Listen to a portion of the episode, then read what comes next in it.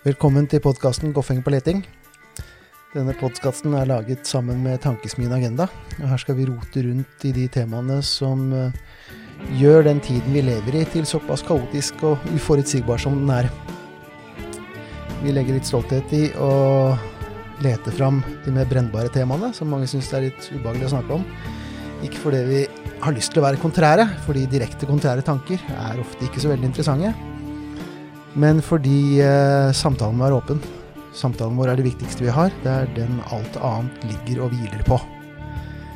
Så jeg håper du får noe ut av det. Eh, snutten du hører i bakgrunnen her, er laget av Narve Vik Strandli.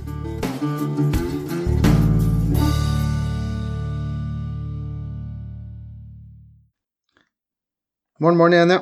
Vi begynner med litt egenreklame i dag. Denne podkasten er ikke den eneste podkasten som Agenda driver.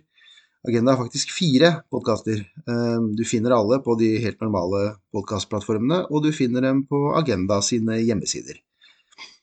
Eh, ta en liten titt på de siste episodene her. Ehm, I podkasten Ideer så snakker eh, Sylo Tarako med Petter Nesser. Han er eh, forsker ved Forsvarets forskningsinstitutt og forsker på terror. Så de snakker da om islamistisk terror og om krigen i Gaza kan føre til større radikalisering osv., osv., hvordan situasjonen er om dagen. I eh, Noen har snakka sammen, et av de morsomste navnene på en podkast i Norge jeg vet om. Der kan du få et slags krasjkurs i fiskeripolitikk. Der er det invitert inn eh, agendarådgiver Trine Østreng for å snakke om det.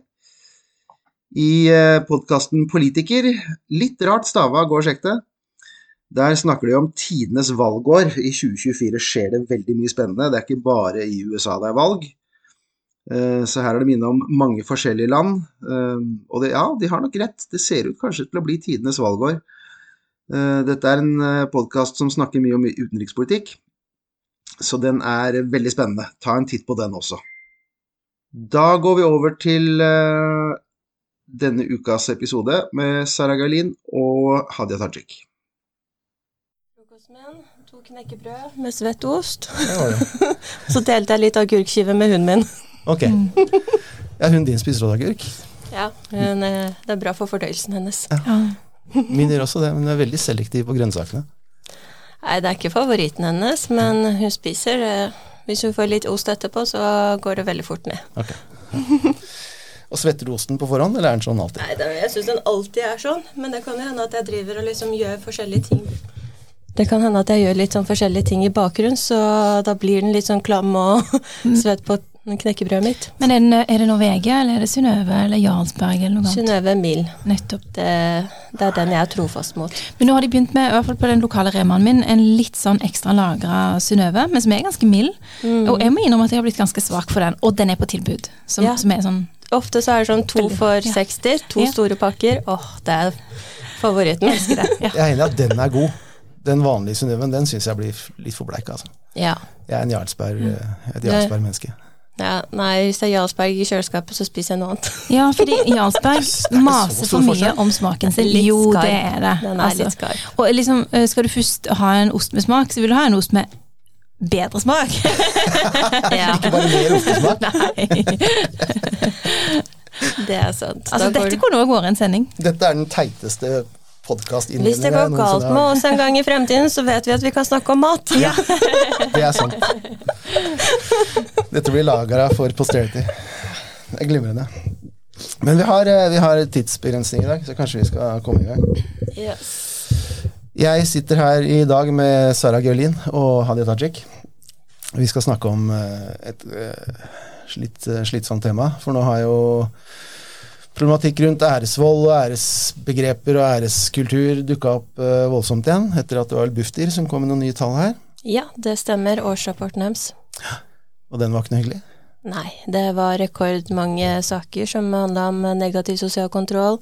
Um, unger og voksne som blir holdt i utlandet mot deres vilje, forsøk på tvangsekteskap, og annet er uh, saker som er vold i nære relasjoner, vold i hjemmet, ja. Mm. Skal vi først uh, bare bruke det tar ikke lang tid. Skal vi definere hva æresvold og æresdrap er? Hvordan det skiller seg fra andre fra annen vold, han har sagt? Hva er, hva er det som ligger i begrepet? Altså Man kan jo først starte med det liksom paraplybegrepet vold i nære relasjoner, um, som uh, dessverre kan inntreffe i absolutt alle samfunnslag og i absolutt alle uh, kulturelle sammenhenger. Men uh, æresvold, som jo da er en, en, form for vold i nære relasjoner, har en tilleggsdimensjon ved at det er um, altså gjerne flere medvirkere. Det er flere som står sammen om og mener at denne voldsutøvelsen er med på å opprettholde familien eller storfamiliens omdømme og ære i, i det miljøet. Mm. Eh, og det viser jo med en gang eh, at eh, det gjør jo saken mye mer kompleks. Eh, den som er utsatt, det er ikke bare utsatt for vold eller trusler fra én person, men kanskje fra et helt miljø, fra en hel familie. Eh, og, det å trygge og beskytte eh, en sånn person, det blir enda mer komplisert. Mm. Ja, Så det, det, er, det er kollektiv vold, nærmest? Det er kollektiv vold, og det er jo også kjennetegnet at de fleste som er preget av eller rammet av æresvold eller æreskriminalitet, de kommer jo fra en kollektivistisk samfunn. Om det er fra Europa, Asia, Afrika, det har ingenting å si. De, har den der, de kommer fra det storsamfunnet der det, dette her skjer kollektivt, da, fra hele familien eller fra storsamfunnet deres. Mm. Og da blir hensynet til kollektivet, til storfamilien, blir viktigere enn hensynet til individets frihet og selvstendighet. Nettopp. Antiliberalt. I, ja. ja. Og det, det, omfanget er Det som ofte overrasker folk, er eh, det, det jeg opplever, i hvert fall ofte overrasker folk, det er at dette går så voldsomt over landegrensene. At noe skjer i Norge, og det skaper bruduljer i, i Afghanistan, på en måte. Yes. Ja. Det, der har jeg faktisk ganske artig eksempel fra da jeg gikk på Artig? Brukte du ordet artig helt riktig nå? Jeg vet ikke. Tragisk også. ja, når vi kommer frem til Så kan dere bedømme om det er komisk eller eh, artig eller tragisk. Men jeg og en venninne Jeg trenger ikke å nevne Jo, vi kan nevne. Vi, eh, hun hadde landbakgrunn fra Afghanistan. Eh, familien hennes var veldig moderne, sekulære. Eh, selvfølgelig, hun har sin egen tro og sånne ting. Og når vi går på videregående, så er det ikke noe problem. Vi legger ut bilder på Instagrammen vår og sånne ting. Når vi blir eldre, og da har det gått sånn fem-seks år siden vi har gått på videregående skole, hun har blitt forlova bort til en mann. Jeg vet ikke om han var fra Afghanistan, eller om han bod, var fra Afghanistan og bodde i en annen europeisk by. Men eh, de bildene som var på min private Instagram-profil, var problematisk for hans familie og han. Aha. Så jeg måtte ende opp med å slette mange av våre bilder og mange av våre minner fra Instagram. Det er derfor jeg hater Instagram-profilen min nå. Eh, fordi den minner meg så mye om mange gode minner jeg måtte slette pga. mine venner, som senere, når de skal gifte seg, eller familien deres, brødrene deres, finner bildene på min profil. Mm så blir det et helvete her i Norge, det blir et helvete i andre byer i Europa. For ikke glemme at til og med familiemedlemmene hennes i hjemmelandet hennes tar kontakt på min DM og ber meg om å fjerne de bildene, fordi de vil ikke at deres barnebarn eller deres barn, tantebarn skal ha sånne bilder på sosiale medier. Og så går det veldig mye på personangrep på meg. Mm.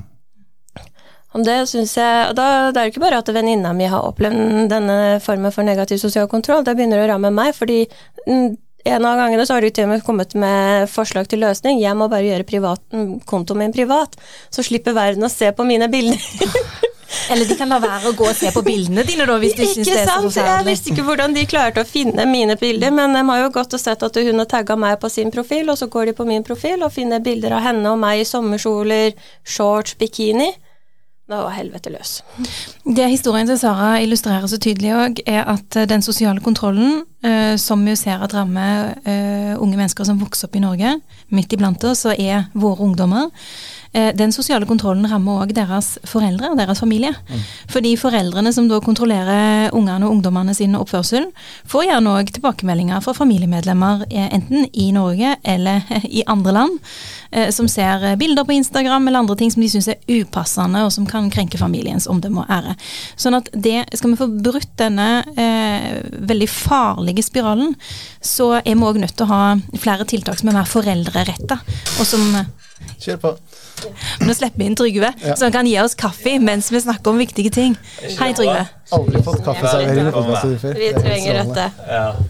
Tusen takk. Oi. Den knirkelyden der. Den hørtes 1730 eh, ut. jeg kan helle oppi til dere, jeg. Flott. Takk. Tusen takk. Eh, mens du gjør det, alle vet hvem Hadia er. Det er ikke sikkert alle vet hvem Sara er, eh, og hva du holder på med. Kan ikke du bare kjapt eh, fortelle om deg selv og Lim? Yes, jeg heter Sara Gevlin. Jeg er 29 år gammel nå. Jeg jobber i en organisasjon, leder en organisasjon som heter LIM, Likestilling, integrering og mangfold. Vi er en interesseorganisasjon som jobber med integreringsutfordringer, mangfoldsproblematikk, ikke problematikk, men gjøre bevisstgjøre det ordet mangfold. Og ikke minst ta opp en del saker som handler om friheten til enkeltindividet. Vi er jo ikke en sånn hjelpeorganisasjon når det kommer til det feltet her, og vi er ikke dem som kan gjøre noe fra myndighetene eller noe sånt noe, men vi er det bindeleddet som folk kommer og tar kontakt med når de enten vet at det er dem de kjenner er utsatt for æreskultur, eller selv er utsatt for det. Stort sett så må vi videre, hjelpe dem videre inn til riktige instanser med de riktige tjenesteveiene innenfor offentlig sektor som kan følge dem opp. Så i løpet av mine Jeg begynte å jobbe med det i 2021. Før det så har jeg hatt voldsomt engasjement for det feltet jeg jobber med. Og hjulpet veldig mange på veien. Og jeg mener jo etter den dokumentaren, og både før og etter denne dokumentaren, så blir jo Lim kontakta annenhver uke hver uke av unge mennesker mm. som selv enten er utsatt, eller kjenner noen som er utsatt, eller har småsøsken som er mer rammet enn de var. Og ja. Mm. Selv er jeg jo fra Iran, jeg er født og oppvokst der. Jeg kommer fra en veldig konservativ familie der nede. Fra min fars familie er veldig konservativ, Mor, moren min sin var litt mer liberale. Det ble jo en sånn kulturkrasj der nede. Um, det er en lang historie, jeg tror jeg, vi ikke har tid til å snakke om hvordan livet mitt har vært, da. Mm. Det får man spare til en annen gang. Men uh, jeg har erfart mye av de tingene. Jeg har sett det på nært hold. Jeg har sett vennene til mamma blitt utsatt for uh, vold i nære relasjoner. En av hennes bekjente i Halden og Fredrikstad ble jo drept når vi bodde der for partnerdrap, men vi vet jo at det var noen andre grunner til det. Mm. Så det, det, har vært veldig nært min mor og meg sin livstid her i både i Iran og her i Norge, og da syns jeg det er helt forferdelig. Hun har gitt meg mange friheter, men det er vondt å se at mine venner ikke har hatt den samme friheten som jeg har hatt. Da har jeg gjort det til en livsmotor for meg å prøve å hjelpe så mange som mulig jeg kan på veien. Mm.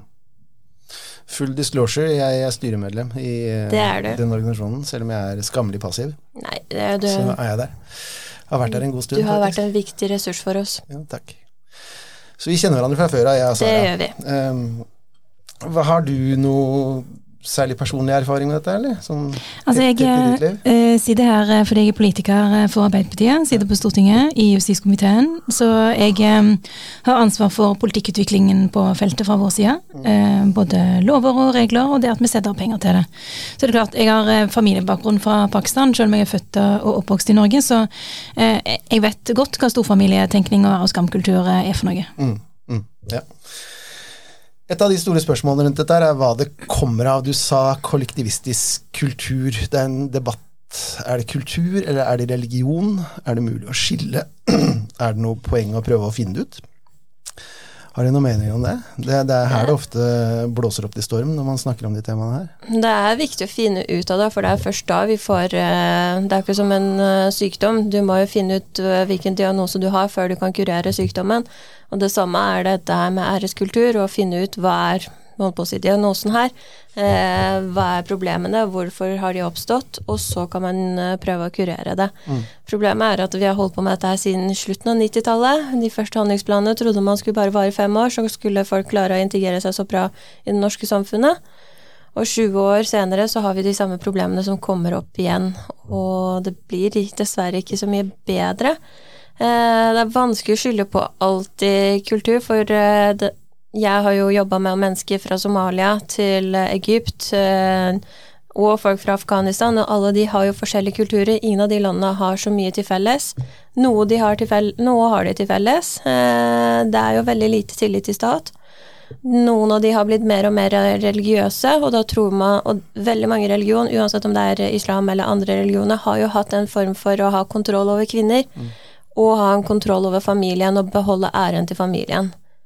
Der uh, tror jeg fellesnevneren er, for det så man også på Bufdir-rapporten, det var Syria, Pakistan, Irak uh, og Afghanistan som var på toppstatistikken eh, når det kom til æreskriminalitet. Og syrere, vi hadde ikke så mange av dem før 2015. Vi tok imot 36 000 etter 2015, eller 2012, fra 2012 ca. da de første syriske flyktningene kom. Uh, og nå ser vi jo en del dyster statistikk, at vi har ikke gitt dem den hjelpa de trenger, vi har ikke gitt dem den oppfølginga de trenger, og de topper en dyster statistikk. Mm. Mm. Ja. Altså, Sara har jo helt rett. Det er en kulturell dimensjon her. Eller eh, ja, en, en kulturell innramming som er en del av forklaringen. Og så uh, har det òg noen ganger en religiøs dimensjon. Uh, det, må, altså, det, må, man jo òg bare snakke om. Ja. Eh, jeg har jo selv vokst opp på Vestlandet, så jeg, jeg, har jo sett at kultur kan komme i mange former. Mm.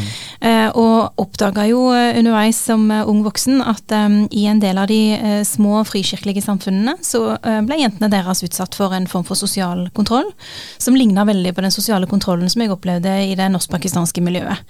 Uh, og at det vokste opp jenter i en del av de kristne miljøene med samme typen skamfølelser knytta til relasjoner til gutter eller, eller sine egen seksualitet, som jeg bare kjente igjen fra det eh, samfunnet som, som, foreldrene mine har bakgrunn ifra. Eh, og så er det jo eh, den tilleggsdimensjonen knytta til religion som gjør det ekstra sårbart. fordi når du blir fortalt at din atferd er mot Guds vilje, så er det, det er en, eh, en, krenkelse så stor, en begrensning eh, så massiv, eh, en skamfølelse som eh, pålegges eh, enkeltmennesket som, som er en så enorm byrde at jeg tror det er vanskelig for personer som ikke har opplevd det, å, å virkelig liksom leve seg inn i mm. hvordan eh, de menneskene som utsettes for den argumentasjonen om at dette er mot Guds vilje, ender opp med å internalisere det standpunktet eh, og å påføre seg sjøl en følelse av skyld og skam fordi man tar plass eller fins eller ønsker å inngå en relasjon til en person med det annet kjønn, eller enda verre, det samme kjønn. Mm. Ja, du skjønner. Ja, Da blir det helt krise. Ja, nei, så Det er ikke noe tilfeldighet antageligvis at det vi kan se av på en måte, kall det norsk æreskultur, da, kommer jo fra altså de, de, de, mest religiøse delene av dette landet også. Og jeg kjenner jo igjen det samme fra USA, som er et land jeg vet en del om, ettersom jeg har undervist om det. Um, så det er jo det er nesten alltid en religion knytta til her. Det, det, det, nytter ikke å skille ut den. Så kan man krangle om hvor stor del av dette her som er kultur og religion, men uh, man, blir hvert fall ikke, man kan i hvert fall ikke ta ut noen av delene. Det kan man ikke. Og det blir ikke noe lettere å gjøre noe med det med en gang religion er inne i bildet. Uh, jeg, jeg, jeg, altså Litt sånn hvordan, vi, hvordan har vi havna her, på en måte? Du har, sier at vi har snakka om dette her siden 90-tallet, og jeg vet ikke hvor altså Jeg har vært på fremleggelser av eh, tiltakspakker, og jeg har lest gudene vet mange ganger jeg har lest setninger som eh, 'sånn kan vi ikke ha det', og Men det stikker jo forferdelig dypt, dette her. Veldig, veldig dypt. Hvis du ser på kartet til World Values Survey, f.eks., Mm -hmm. Så deler jo de inn verden uh, på diverse, diverse, måter i sine statistikker og sine kart. Uh, og dette landet her er da helt nede i hjørnet av de mest progressive, liberale de delene av verden. Og det vi snakker om her, ligger helt i andre skalaen. I det mest konservative som, som fins faktisk i hele verden. Og denne blandinga trodde vi skulle gå veldig fint. Ja. Så vi har jo vært rimelig naive i ganske lang tid. Har vi ikke det? Det er vel litt av grunnen til at vi havner her. Ja, vi har vært litt naive. Eh, det er den der tankegodset med at eh, så lenge man får bodd her lenge nok, så prøver man å lære seg de reglene, og det gjør de. Og jeg syns eh, Eller det er ikke bare at jeg syns, jeg har jo sett også. Under pandemien så hadde jeg jo en ung kar som kom innom oss, og han var forsøkt tvangsgifta. Han hadde allerede hatt forlovelsesfesten, og han ba om å komme seg ut fra systemet han var i. Mm.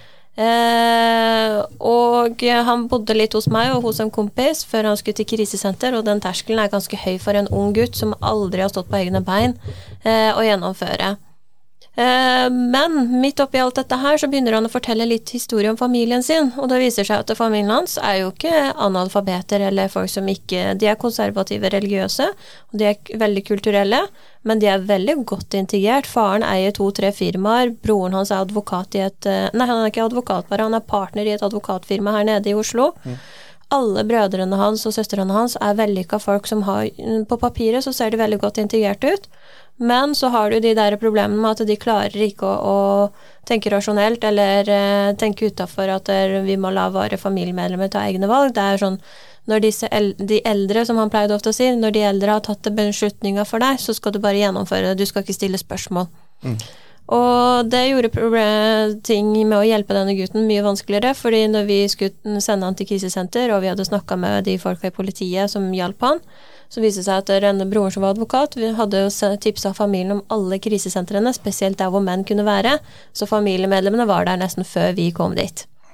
Og de oppsøkte han på alle mulige arenaer. Når han kom hjem til meg, så var han på Snapchat-kart, og det gjorde at vennene hans måtte fortelle det til familien. Familien hadde etterlyst han, så familien var utafor hos meg, utafor hos kompisen hans. Det, det, var mye mer vanskelig å hjelpe han. Og igjen, det, det var ingenting jeg, jeg, kunne ha en god samtale med de fleste i familien hans, for de behersket språket godt. De visste liksom det de gjorde De forsto på en måte at det de gjorde, var galt, men samtidig så mente de at de hadde retten til å gjøre det. Mm. Og på et tidspunkt som Heldigvis var denne gutten akkurat over 18 år, men eh, på et tidspunkt så begynte jo nesten broren å si at ja, hvis broren, eldstebroren eldste broren skulle begynte å fortelle meg at hvis du kommer til å holde han hjemme hos deg, det var ikke sånn at jeg holdt han igjen i det hele tatt, det var han som selv ville være hos oss. Så vurderte de nesten å anmelde meg for eh, kidnapping, og jeg tenkte takk og lov for at han er over 18 år, for ellers så kunne jeg faktisk blitt anmeldt for det. Men de skremte ikke bare han, de skremte meg også. Og jeg ble jo litt usikker på om jeg ville hjelpe flere mennesker i den situasjonen her. Eh, når du ser at samboeren din blir stressa over den situasjonen, du ser dyra dine blir, føler ubehag med at det er mange mennesker utafor hos dere og sånne ting. Han fikk god hjelp. Han uh, valgte til slutt uh, senere å gå tilbake til familien sin, men alt det styret og all den redselen han hadde Han har vært litt frem og tilbake hos familien sin og kommet seg ut igjen, men det er Jeg vil si mange ganger så har jeg møtt gutter som har mer press enn jentene. Mm. Jentene, hvis de vil bryte ut, så er de ferdig med familien, for etter alt det de har blitt utsatt for, så bare lukker de den døren og går videre. Mens de guttene, de har fått sydd så mye puter under armene sine. Han visste ikke, Når han var ferdig med å spise maten, så la han bare tallerkenen på bordet. Han visste ikke hvordan han skulle sette ting i oppvaskmaskinen. Han, han hadde blitt sydd under, han kunne ikke lage mat. Han kunne bare spille og se på TV, nesten. Han uh, hadde jo ikke fått lov til å jobbe. Hvis han skulle jobbe, så skulle han jobbe for firmaet til faren sin, og det var flyttebyrå. That's it. Han, eh, det var så mye grunnleggende ting du måtte liksom hjelpe han med å lære, og det var ikke bare han, det var flere andre menn har, eh, som har vært innom oss, som uh, sier at Sara, jeg har aldri gjort noe som helst husarbeid, jeg har aldri Familien kjørte meg alt hvor jeg skulle hen, og henta meg der jeg skulle være. så jeg har liksom, når jeg sa at ja, men da drar du på biblioteket og finner deg en bok hvor, Hvilken bibliotek? Hvordan, hvordan låner jeg bok? Det var så mye ting som de liksom De har blitt hindra av muligheten til å lære ting, være selvstendig. Og da er det skummelt å bli alene i den store samfunnet, og det så man også i den dokumentaren med Nora. Hun uh, har også, jeg vil ikke si at hun har blitt veldig sydd puter under armene, men å være alene i det store samfunnet, når du har hatt hele slekta di som har gjort allting for deg, det er ganske skummelt. Du føler deg veldig ensom. Det er et, eh, altså et, element av fravær av selvstendighet, fordi de som vokser opp med et sånt kontrollregime, får jo ikke lov til å ta viktige beslutninger i livet sitt eh, helt på egen hånd. Noen ganger får de heller ikke ta små beslutninger i livet sitt helt på egen hånd, og mangler da den treningen i selvstendighet som gjør at man takler greit det å stå på egne bein. Og det er og det som fører til den dimensjonen som Sara her påpeker, at en del av de som forsøker å bryte ut, ender opp med bare å gå tilbake, fordi det er så utenkelig å leve et liv uten storfamilien eller familiene rundt deg. Og det er klart at Vokser du opp innenfor rammen av et eh, tradisjonelt kjønnsrollemønster, så trenger du som mann ikke å lære hvordan du rydder opp etter deg, fordi kona di, som du en dag gifter deg med, kommer jo til å ta seg av det. Mm. Ja. Men det gjør jo òg at eh, altså, vokser man opp sånn eh, i Norge, så er man jo fratatt noen helt sånn grunnleggende sosiale ferdigheter som egentlig ville vært med på å gi deg litt sånn luft under vingene, da. Mm. Uh, og det, det, tror jeg ikke nødvendigvis alle foreldrene som utsetter ungene sine for dette, egentlig forstår. Jeg tror ikke de fullt ut tar det inn over seg. Dette er det kjønnsrollemønsteret de sjøl vokste opp med. De tror kanskje de gjør ungene sine en tjeneste når de gir det videre til neste generasjon, men det er jo der kollisjonen oppstår. At hvis du liksom skal bære en bagasje fra eh, et kjønnsrollemønster fra et samfunn som er helt ulikt det norske, så sier det seg sjøl at det er veldig vanskelig å lykkes innenfor rammen av det individualistisk orienterte, frihetselskende Norge.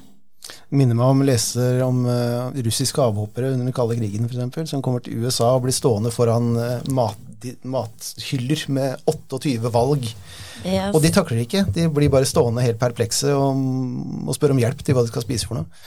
Når du, når du har en så begrensa opplevelse av å gjøre ting sjøl, så, så, så, bare stopper det opp. Men du sa noe ja, du skulle si noe? Ja. Jeg skulle bare si at um, For du spurte om naivitet, om vi har vært for naive. Mm. Uh, jeg tror i hvert fall at vi har vært altfor vant med å snakke om sosiale og økonomiske forklaringer på hvorfor ting går galt. Mm. Og altfor lite vant til å snakke om at det òg kan være kulturelle dimensjoner. Mm. Det er òg derfor Ja, det, ja og, og, religiøse religioner er jo ofte liksom innbakt i den kulturelle praksisen. Uh, og, og, det uh, har nok òg gjort at man ender opp i diskusjoner den dag i dag knytta til det som er eh, straffbare forhold, men der man ender opp med å forklare det med sosiale og økonomiske variabler, f.eks. trangboddhet, eller eh, at man har eh, falt fra på videregående skole, og at man ikke snakker om den tilleggsdimensjonen som kultur kan utgjøre. F.eks. hvis det representerer en, en, giftig mannskultur der menn skal opptre som fangevoktere for søstrene sine, for søstrene må ikke ha et altfor aktivt sosialt liv, for da kan jo noen komme til å tro at de òg har et seksuelt liv, eh, og det vil jo ramme familiens omdømme eh, veldig hardt. Eh, men hvis man ikke snakker om den kulturelle dimensjonen, ikke ser den, eh, så både går man glipp av informasjon knytta til det som egentlig er realiteten, men man mangler òg noen viktige nøkler til å faktisk løse problemet. Mm.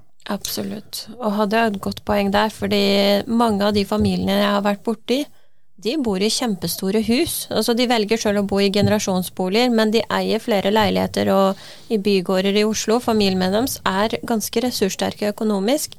Men det er, for, det er, ikke så mye plass, trangboet trangbohet eller økonomi som har vært store problemene deres. Det er egentlig det kulturelle, den kontrollen. Det er alltid en bror som kommer og henter deg når du er ferdig på jobb, en bror som deg også, kjører deg til jobb, og en som henter deg. De skal, de skal sørge for at du ikke eh, har mulighet til å møte noen. Til og med da enkelte jenter var jo sånn der ja, men jeg får ikke lov til å ta T-baner i dette området her. For hvis noen ser meg snakke med motsatt kjønn eller ha en samtale, så begynner, blir det mistenkeliggjort, og det blir overdrevet til å være noe helt annet enn det det faktisk var. Mm. Ja, den trangboddheten den virker bare som en veldig behagelig knagg å henge ting på. Sånn, da henger vi på den, og så slipper vi å snakke om, om de tingene som er vanskelig. For det, altså, det er jo vanskelig. Du sa du føler at de har rett i det. Mm. Og man har jo rett til å påvirke sin egen familie. Man har jo rett til å viderebringe sin egen kultur. Man har rett til å prøve å snakke, overtale barna sine til å gjøre det ene og det andre. Man har ansvar for barna sine. Hvordan bryter man inn i, i noe sånt politisk? Problemet her, sånn som jeg ser det, er at vi er et liberalt samfunn. Det er illiberale ting vi har med å gjøre her. Men må vi bli illiberale for å forsvare det liberale? Altså, hvor, hvor går de prinsipielle linjene her? Hva kan man gjøre politisk for å bryte ned noe sånt? Så lenge men altså, vi lever Ærlig talt, eh, Espen, det er jo ikke noen andre regler her enn det for uh, alle andre former for vold i nære relasjoner. Og man har jo uh, ja, i Norge Jeg tenker ikke på volden, jeg tenker på liksom, systemet, på en måte. Uh, for det du snakker om nå jeg får ikke lov til å ta T-banen og sånn.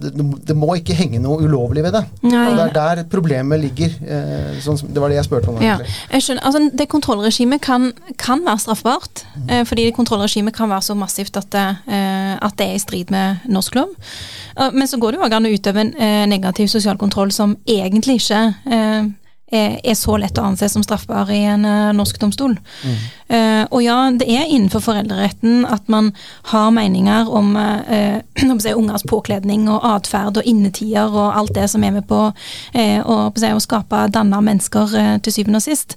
Så det er en hårfin balansegang. Mm. samtidig så kan man på en måte ikke um, Altså, vi, vi, kan ikke eh, tillate at det vokser opp eh, unge mennesker i landet vårt med si, murer rundt seg og sterke begrensninger på hva slags sosial kontakt det er de kan ha med eh, altså, eh, folk som de vokser opp med i nabolaget sitt, i, i klassen sin, eh, som ikke får dra på fritidsaktiviteter, som er arenaer der alle de andre ungdommene er, og som er med på å gi de eh, sosiale ferdigheter som skal til for å på en måte lykkes i Norge.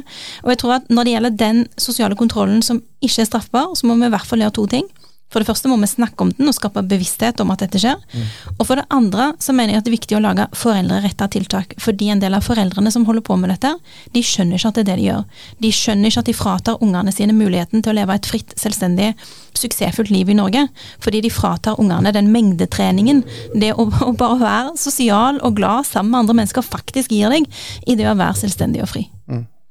Ja. Yes. Kan ja. jeg bare skyte én liten ting? Eh, nå henger jeg meg veldig mye opp i landbakgrunn, men jeg syns det er interessant når man har landbakgrunn, for da kan man jo også gå og se hva er det som er også veldig likt i de landene der. Det er jo at man har autoritære ledere.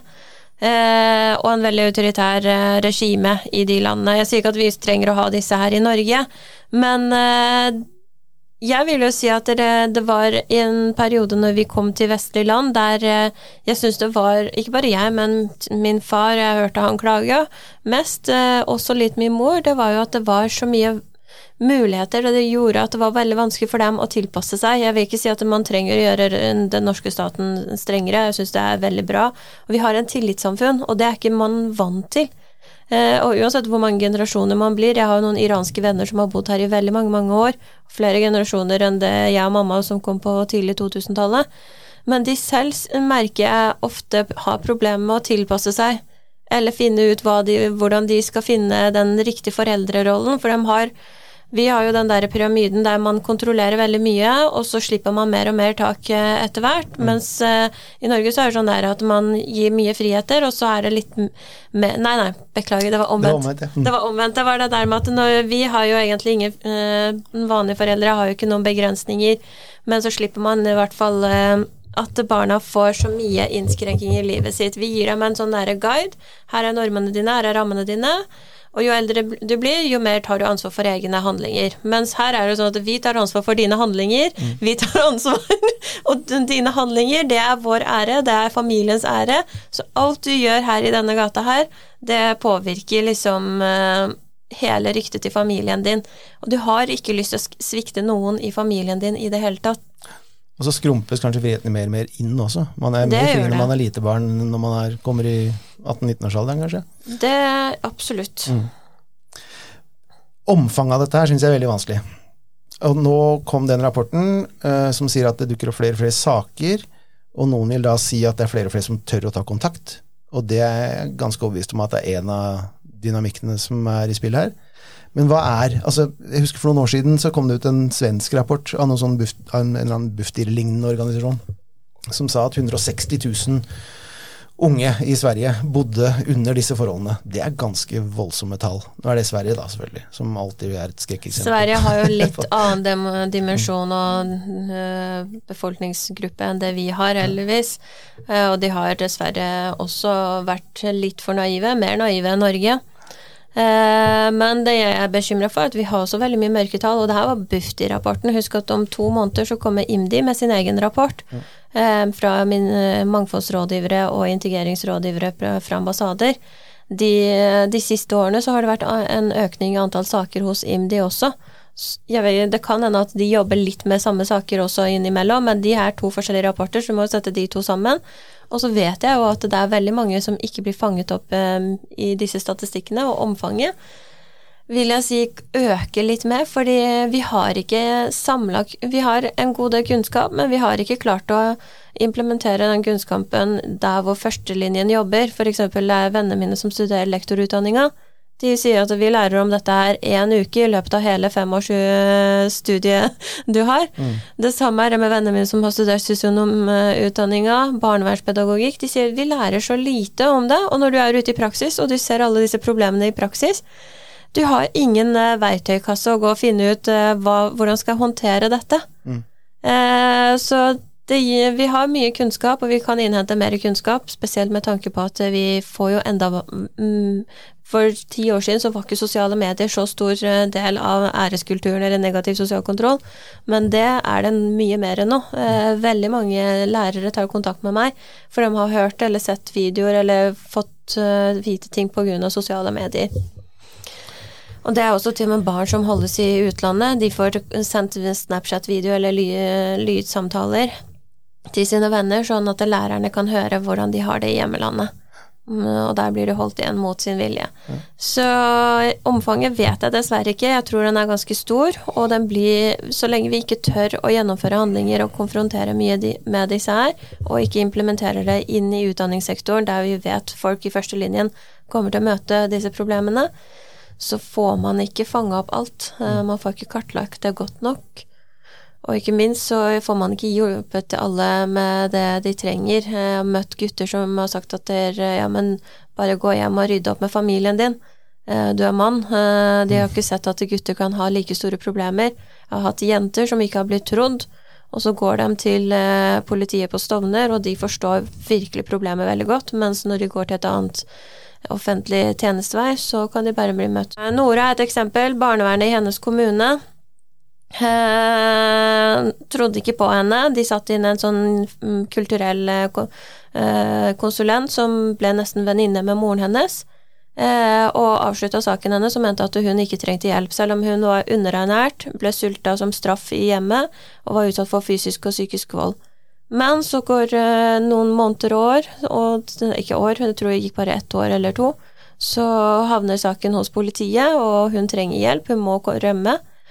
Og da ser jo politiet på saken hennes og ser at det her er det alvorlig form for negativ sosial kontroll. Eh, De vet også hvordan vennene hennes blir kontakta av familien hennes. Og det resulterer jo at hun blir satt på krisesenter, må gå hele videregående, ikke hele videregående, siste året på videregående på, eh, med å bo på krisesenter. Det er jo eldre damer som bor der. Hun var den eneste som var en sånn uskyldig liten barn som må bo der og tilbringe dagene sine. Og det er jo vondt for meg. Det, nå er det flere enn bare Nora som er på krisesenter eller på en sånn bofellesskap som et lite barn, og fordi familien deres eh, svikta dem. Og samfunnet, ikke minst. Når du snakker om Nora her, så er det en person som er med i den NRK. NRK-dokumentarserien som nettopp har kommet ut. Som det heter. Ære. Ære. Som anbefales på det sterkeste, har jeg skjønt. Jeg har ikke fått tid til å se på den ennå. Det er ikke noe bra. Er det, er, det, er, det, er det sånn det oppfattes fra din, ditt ståsted også, at det er vanskelig å få grep på omfanget her? Ja, man har ikke gode nok tall på det. Eh, altså, eh, jeg tror en viktig del av dimensjonen knytta til at uh, tallene på henvendelser til hjelpeapparatet har gått opp, uh, er et uttrykk for at, det, er- at en del av mørketallene kommer ut i lyset. Flere tør å be om hjelp. Hjelpeapparatet har gjennom årene blitt be bedre til å identifisere æresdimensjonen, selv om det fortsatt dessverre er en veldig lang vei å gå. Eh, og så tror jeg man må spørre Altså Ja, altså Nettopp det at ikke alt eh, det her er snakk om er straffbart, gjør òg at det er vanskelig å klarlegge hva slags tall, hva slags omfang det egentlig er. Så hvis spørsmålet er hvor mange vokser opp i Norge i dag med eh, æreskamkultur som en del av sin bagasje, eh, veldig mange. Veldig mange. Eh, de aller fleste som har landbakgrunn fra eh, land der storfamilietenkningen står sentralt, vokser opp med den bagasjen i større eller mindre grad. Eh, Men så er spørsmålet hvor mange av de utsettes for vold? Hvor mange av de risikerer å eh, bli drept eller oppleve trusler om vold og drap? Eh, så er nok ikke det absolutt alle som vokser opp med den bagasjen. Det gjør det jeg, ikke mindre alvorlig for de som faktisk blir utsatt for det. Men vi er altså nødt til å bekjempe dette fenomenet langs flere spor. Det ene sporet er jo straffesporet. Eh, og at eh, politiet ikke minst får opp enda mer kompetanse på det. Stovner er et veldig godt eksempel som Sara her bruker, der man har eh, folk med etterforskningskompetanse på æresrelatert vold. Man har òg noe i Kripos, men i de aller fleste politidistrikter så er det liksom skrantelig med kunnskap om dette. At de klarer ikke å få ordentlig grep om fenomenet. Så man er nødt til å få den kunnskapen òg opp. Man er nødt til å eh, eh, sørge for at politiet òg i større grad statistikkfører eh, æresrelatert vold, sånn at man òg fra politiets side kunne fått en oversikt over hvor mange den type henvendelser er det de faktisk får, sånn at det ikke bare forsvinner inn i den generelle liksom, familievoldskategorien. Men det andre sporet vi er nødt til å jobbe langs, er jo hvordan klarer man å frigjøre unge mennesker fra ærestenkningen som kan legge store begrensninger på livet deres, selv om det kanskje ikke er straffbart. Um, og det er jo en mye vanskeligere jobb, nettopp fordi det, den straffbare dimensjonen mangler. og Da må man, man må snakke om det, man må sette det på dagsorden, man må utfordre foreldrene, man må få miljøene eh, i tale, sånn at det, man ikke havner i en situasjon der alle bare lukker dørene og trekker ned gardiner og sier at nei, nei, men hos oss skjer ikke dette. Eh, eller det har ingenting med religion å gjøre, som er sånn omkved som man ofte hører. Altså, Det har noe med religion å gjøre, men det har ikke bare med religion å gjøre. Men la oss snakke om det, da, sånn at eh, flere blir bevisst og flere kan bekjempe det. Ja, for det å snakke om det, det er jo Oppi mitt hode så begynner alle ting med en samtale som er eh, ærlig og redelig og åpen og ubehagelig, men må være det. Eh, Det er den som styrer hva vi fokuserer på, og hva vi gjør noe med. Og samtalen om dette her har ikke vært lett. Det, er, det har vi antakelig fått erfare alle sammen. Eh, For det er Ja. Det, beskyldningene og anklagene hagler med en gang man tar opp vanskelige temaer. Og her, det er det tricky temaet. Eh, Et av de tricky temaene er for meg, det er at jeg tror både jeg oppfatter det sånn, jeg tror veldig mange andre oppfatter det sånn, at venstresiden har en jobb å gjøre her for å gjenoppbygge tillit og kredibilitet på dette temaet her. For det er ikke til å komme fra at når disse angrepene har kommet, når man skal tysta ned den samtalen her, så har det kommet fra den siden i politikken. Det er derfor jeg skrev den boka jeg skrev også, den heter 'Vikeplikt for Høyre', og den handler om akkurat det. At høyresiden sier en ting, og da må man bare si det motsatte. Uansett om det er det man mener eller ikke. Men hvis vi skal si noe litt karikert om norsk politikk, så er det sånn at eh, politikerne på venstresida, altså, eh, altså på den sida av politikken som jeg sjøl befinner meg i, mm. er mest opptatt av de forskjellene som er sosiale og økonomiske, mm. og vil helst ikke ha så mye med liksom, den kulturelle ulikhet, den diskusjonen der å gjøre. Mens den karikerte versjonen av folk på høyresida er at de er mest opptatt av kulturelle ulikheter, og vil helst ikke snakke om sosiale og økonomiske forskjeller, fordi de ikke har politikk for å bekjempe en, en utvikling knytta til økonomiske forskjeller de er ikke opptatt av rettferdig fordeling. Mm. Eh, og det gjør jo òg at jeg tror en del politikere på venstresida blir redd for at en del av disse kulturdebattene er en slags distraksjon fra høyresida fra det å snakke om eh, voksende økonomiske forskjeller, og det òg gjør at de blir liksom sånn eh, ekstra opptatt av å ikke snakke om kulturdimensjonen. Mm. Men der mener jeg at man i så fall begår en tabbe. Eh, hvis man skal ha gode, framtidsretta, relevante løsninger, så må man klare å snakke om alle dimensjonene ved et problem, og kultur er definitivt òg en del av det. Godt å høre. Veldig godt uh, sagt. Veldig godt å høre. Yes. Men det er et altså Jeg har hørt nå om forslag, åtte forslag. Eh, altså eh, konkrete, spesifikke politiske forslag på hvordan man skal gjøre dette her. For det, det, det blir jo det blir, Uansett hvem som snakker om det, så blir det ofte veldig flimsy. Uh, og vi kan ikke ha det sånn, og dette må vi prate om. Mm. Også. Men har, har, eh, hva, er de, hva, er de, konkrete forslagene som ligger framme nå? Altså, noe av det som Arbeiderpartiet har eh, foreslått, er jo f.eks. det å sørge for at man har kompetanse på æresrelatert vold i alle politidistrikter. Eh, og at man bidrar til kompetanseheving òg i hele det offentlige hjelpeapparatet. Altså, det har man jo gjort noe med å ha mangfoldsrådgivere på videregående skoler der det er mange med innvandrerbakgrunn, men eh, man trenger mer både i barnevernet og andre institusjoner og etater som ungdommer eh, kan komme i kontakt med. Eh, og ikke minst så trenger man å ta inn over seg at en del av de ungdommene som faktisk bryter med familiene sine, de kommer til å trenge hjelp over lengre tid. Mm. Så det eh, støtte- og hjelpetilbudet og botilbudet som man har for unge som har brutt med familien sin, fra et kontrollregime, et æresregime, det må nok mest sannsynlig vare over noe lengre tid for at de skal føle trygghet i det å kunne leve et selvstendig liv. Vi har òg foreslått fra Arbeiderpartiets side at man bør vurdere å eh, endre formuleringen på avvergingsplikten i straffeloven. For der er den helt konkret knytta til noen konkrete straffebud, altså, av, av, altså veldig alvorlig og grov karakter. Eh, og som en del folk i hjelpeapparatet eh, syns at det er litt sånn vanskelig å praktisere. For på den ene siden har de taushetsplikten, som gjør at det er straffbart å fortelle om personsensitiv informasjon og hva folk står i. Og på den andre siden har de meldeplikt til barnevernet hvis det skulle være noe de vet om mindreårige eller bekymrer seg for knytta til mindreårige. Og så har de avvergingsplikt i straffeloven, men bare knytta til noen helt konkrete forhold. Mm. Og det gjør at en del vegrer seg for å si fram noe, for de er ikke helt sikre på om avvergingsplikten faktisk gjelder. Mens i Danmark så har man en, en, en, uh, i, i, tillegg til en, en, sånn spesifikk som knytter seg til straffebud, så har de en generell formulering om alles plikt til å avverge uh, situasjoner der det er eh, liv eller helse eller store samfunnsverdier som står på spill. Sånn at Da er på en måte vurderingen litt enklere, mm. eh, og man trenger òg mer kompetanse på at avvergingsplikten faktisk ligger der for oss alle sammen, og ikke minst de som jobber i det offentlige hjelpeapparatet. Det er noen eksempler på ting som det går an å ta tak i for å hjelpe flere unge mennesker. Mm. Var det halv du måtte gå, eller? Ja. ja for det er nå. Okay. Ja. Så hvis, hvis du har er du, er du optimist? Altså, jeg er jeg, jeg må innrømme at jeg er pessimist. For det er ingen vesteuropeiske land som har vært i nærheten av å finne noen løsning her. Eh, og det er, som jeg sa i stad, svære, dype, dype, dype ting. En annen dynamikk er at jo større en diasporagruppe blir, jo mer insulert blir den, jo mindre lekker den til en majoritetssamfunn. Og disse diasporagruppene de vokser og vokser og vokser. Jeg er ikke spesielt optimistisk, er dere to det?